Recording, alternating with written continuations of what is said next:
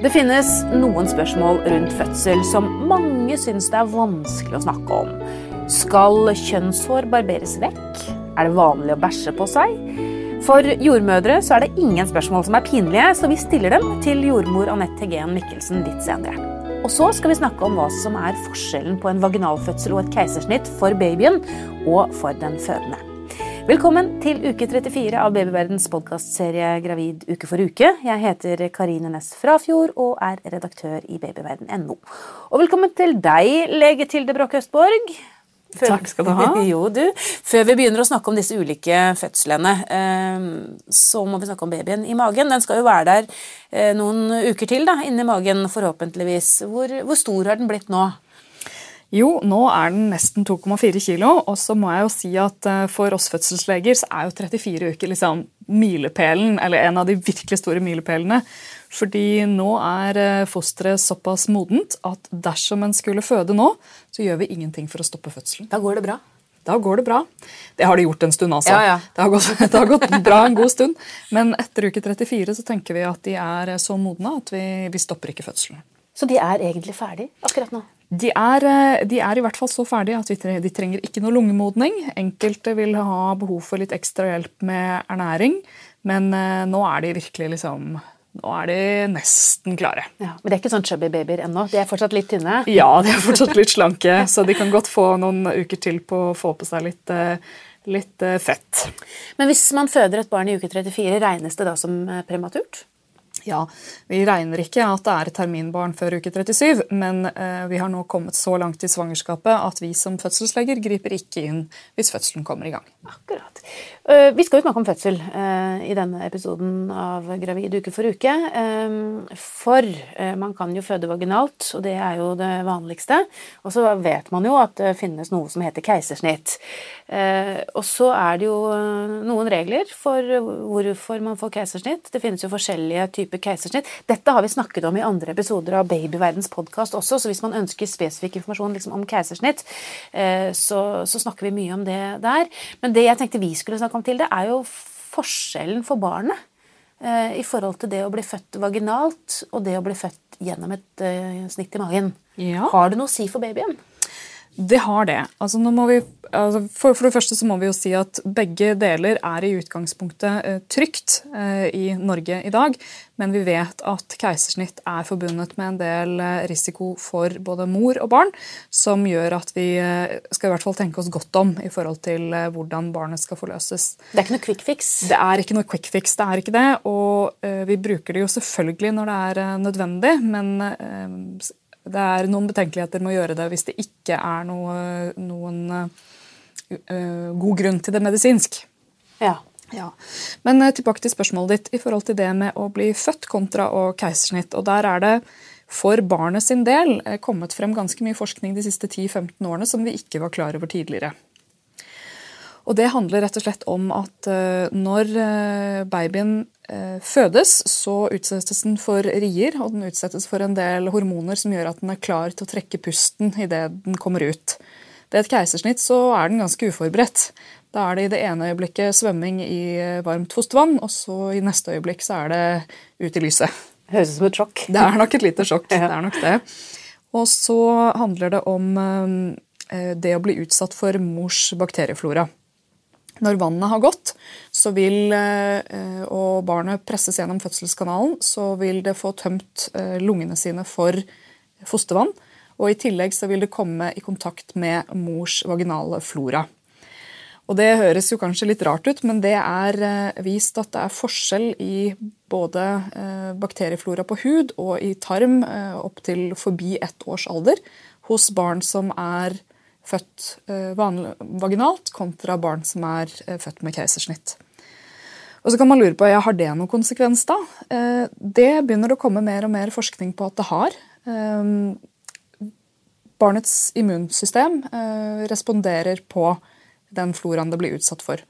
Så Barn som er tatt med keisersnitt, har en noe økt risiko for astma og allergi finnes også noen studier som mener at, man, at det er mer overvekt, men der er, det, der er, det, såpass mye bias at den tør jeg ikke å på en måte lene meg på.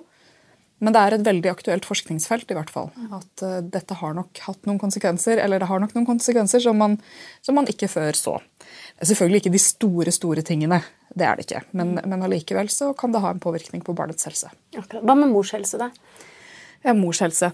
Uh, nå er det selvfølgelig sånn at eh, en, en, keisersnitt er en operasjon. Eh, det er, eh, vi går gjennom bukveggen, vi går gjennom livmoren, og vi lager arrvev. Det har eh, konsekvenser eh, både der og da. altså Det tar lengre tid å komme seg. Det er mye mer begrensninger for mor i forhold til hva hun kan gjøre i etterkant. Begrensninger i forhold til løft, begrensninger i forhold til fysisk aktivitet. Og så har man jo en overskjæring eller overrivning av en del muskulatur som ville vært intakt hvis man hadde født vanlig. Men det er klart at eh, Eh, de aller fleste keisersnitt går fint. Man er eh, på beina igjen i løpet av noen dager, men det å komme seg igjen tar lengre tid. Akkurat. Og hvis man føder vaginalt, så er man oppe og går eh, mye raskere, kanskje? De aller, aller, aller fleste som føder vaginalt, er mye kjappere oppe og går. Men det er klart at noen som har større rifter, vil, vil, kunne trenge mer tid enn noen som har lite. Så hvis vi setter barnet i fokus da, og ikke tenker på mors situasjon, så er det beste for barnet å fødes vaginalt? Kan man slå fast det ut fra den forskningen, eller? Så fremt eh, Ja, det kan man. Men altså, vi må på en måte ta forbeholdet at noen barn eh, bør forløses med keisersnitt. Hvis det er eh, stor veksthemming hos barnet, hvis vi ser at barnet ikke vil tåle en fødsel, så er det en annen sak. Eller hvis mor er alvorlig syk, ja. så kan det være bedre for barnet å fødes med et keisersnitt. Men hvis du ser på store grupper av friske kvinner og friske fostre, så er det bedre å fødes vaginalt. Men det er jo en diskusjon dette med hvem som skal få keisersnitt, og hvem som ikke skal få det, og hva som er medisinsk god nok grunn, og, og hva som ikke er det. Hva, hva, tenker du, eller hva svarer du når, når kvinner kommer til deg? Eller er det mulig å si noe generelt om det i det hele tatt? Jeg tenker at hvis det er eh, Det som er minst omdiskutert, er vel på en måte de eh, fysisk-medisinske grunnene til å gjøre et keisersnitt. Så Hvis man har en foreliggende morkake, eller hvis det er noe med, ja. sånn konkret med svangerskapet. Det som blir, vel blir eh, diskusjonen, og som er diskusjonen i, i fagmiljøet og sikkert på, på Babyverdens forum også, er dette med keisersnitt i forhold til fødselsangst. Og eh, det er klart at eh, fødselsangst er en helt reell situasjon, en helt reell tilstand. Eh, men hvor det finnes mange ulike løsninger. Og jeg kan ikke svare for hvordan dette håndteres i resten av landet, men eh, på vårt sykehus så er det sånn at har du fødselsangst, så eh, bør du henvises tidlig i svangerskapet, sånn at vi får kartlagt hva dette handler om. Hva er, som, hva er det som denne angsten går i? Er det noen spesielle ting du er redd for? Kan vi tilrettelegge eh, noe i forhold til fødselen som gjør at dette kan bli ok for deg? Er det sånn at du har behov for fast jordmor, altså en jordmor du kjenner som er med deg i fødsel? Eller er det på en måte noe med planlegging som vi kan gjøre for at du føler deg trygg? Mm. Men det er klart at eh, ikke alle, ikke alle sånne samtaler fører frem. Og der er det igjen forskjellig policy fra sykehus til sykehus, men vi tvinger ingen til å føde. Vi vil anbefale det, vi vil tilrettelegge for det. Vi vil, eh, vi vil absolutt tilstrebe det, men går det ikke, så gjør vi et planlagt keisersnitt.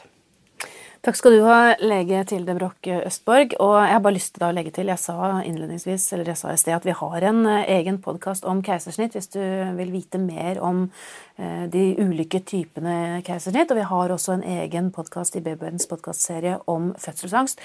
Sånn at hvis du vil høre mer eh, om det, så går det an å gå i dybden om det også. I tillegg så har vi jo massevis av artikler om disse temaene på Babyverden.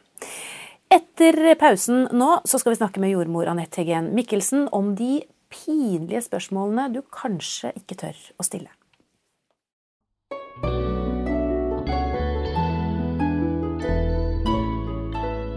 Ja, det finnes jo noen spørsmål rundt fødsel som mange syns det er vanskelig å snakke om. For eksempel eh, skal kjønnshår barberes vekk? Er det vanlig å bæsje på seg? Det er vel sånn eh, Jeg syns dette er litt pinlig, men eh, jordmor Anette Gen Mikkelsen, det er vel ingen spørsmål som er pinlige for deg? Nei, og, og, og egentlig faktisk talt ikke noen fødesituasjoner som jeg opplever som pinlig heller mer. Når man har jobba som jordmor ganske mange år, så har man jo vært oppi mange sånne veldig private og personlige situasjoner for folk. Men nå ble jeg nysgjerrig, hva mener du mer, har du vært borti noen tidligere? ja, nei, men jeg tenker på at eh, når jeg begynte for lenge siden å skulle bli jordmor, så tenkte jeg en del på den der situasjonen som det er å være jordmor og være til stede Du så tett på? Så tett innpå. Mm. Og være så tett innpå folks eh, kjønnsorgan, for å si det sånn. Mm. Og, og, stadig vekk kjenne innvendig inni skjeden til kvinnen og, og være så privat mot folk. Selv om man som sykepleier har opplevd det, så er det klart at dette å være jordmor er spesiell. Spesielt, da. Så jeg tenkte litt på det, hvordan kommer jeg til å oppleve, det, det, oppleve den, disse situasjonene. Og så er det Pleier jeg nå om dagen å si til, eh, til kvinner som skal føde, du må huske at denne jordmora hun har vært oppe i denne situasjonen, hvor det for eksempel da kommer avføring ut når barnets hode kommer langt nok ned og presser seg ut. Så, ja, skjer det? Ja. Ja, det skjer forholdsvis ofte. Og, og, det er jo et mye større problem for mammaen, slik hun opplever det, tenker jeg, enn det er for jordmor. Fordi at man, tro det eller ei, man kan faktisk venne seg til sånne situasjoner helt uten å ense det eller tenke på det engang. Mm. Sånn at eh, hvis man som kvinne da er sjenert eh, og syns at det er utrolig pinlig at jordmor opplever at man bæsjer på seg, for å si det sånn, så er ikke det noe problem for jordmora for å si det på den måten. Men man da. må nesten egentlig bare forberede seg på at dette kommer til å skje, da. Ja, og vet du, det er jo logisk. Fordi at når barnets hode For det første så er det jo ofte sånn, da, at eh, en fødsel starter med at man gjerne har oppkast og diaré. Og da, jeg tenker det er nok lagd sånn at det, tarmen skal tømme seg betraktelig før barnet skal fødes. Sånn at det som kommer ut er som oftest ikke så veldig mye. Og øh, i den situasjonen som man er da, hvor barnets hode kommer så langt ned at den også presser på endetarmen, så må det jo nødvendigvis skvises litt grann avføring ut. Det er helt vanlig. Mm. Så dette ser dere hele tiden? Det ser vi hele tiden. Vi tørker det bort med papir, kaster det vekk, borte. Ikke noe problem. Og så kommer babyen. og så kommer jo barnets hode ut, og så er det ikke noe større sak enn det. Ja. Men, men, eh, det er også ok å snakke med partneren om dette og denne situasjonen, at man syns at det er en sjenant situasjon. Eh, og forberede seg litt på hvordan man vil oppleve det sammen, da. Partner bør kanskje holde seg oppe ved mors hode? Ja, i utgangspunktet så tenker jo jeg det, at det er nok et godt prinsipp. Mm. Du, En annen ting som jeg vet diskuteres på annet Babyverdens forum, det er jo dette her med, med kjønnshår. Skal man barbere seg, gjøre seg litt sånn lekker før fødsel, eller det er ja. vanskelig med den store magen og ja, altså, nei. ikke sant? Nei, altså der er jo forskjellige moter, har jo vært opp igjennom åra. Det ser altså. dere. Ja, det ser jo vi. ja. Det også tror jeg ikke vi reflekterer noen ting særlig over eh, som jordmødre mer. Men det har vel vist seg det, da, for å ta det helt praktiske. Det er som du sier, antageligvis forholdsvis vanskelig å få til å barbere seg ordentlig når man har så stor og tung mage.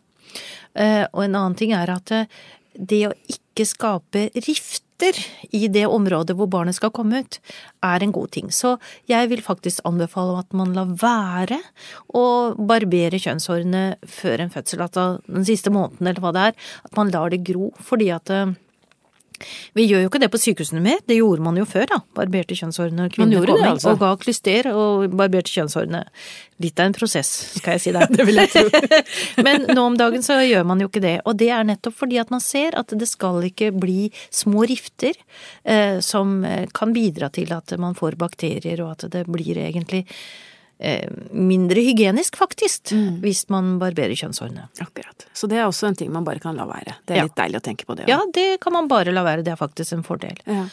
Og um, man gir ikke rutinemessig klyster heller mer, eh, altså sånn som man gjorde før. Altså noe sånn vann inn i rumpa, for å si det sånn, da, som gjør at man uh, får ut uh, avføringen. Hvorfor ikke det? Var ikke det litt praktisk? Ja, det var jo praktisk og ikke praktisk. Fordi at for å være helt konkret nå, så er det bedre at det kommer ut bæsjeklumper som man eh, kan tørke bort og ta bort, enn at det kommer noen sånn veldig tynne greier som er vanskelig å ha kontroll på. Så derfor altså Så man... i forhold til vannfødsel, for eksempel, mm. så syns man jo, eh, slik jeg har sett det på de avdelingene jeg har jobba, så syns man egentlig at det at man ikke gir klyster, er en fordel.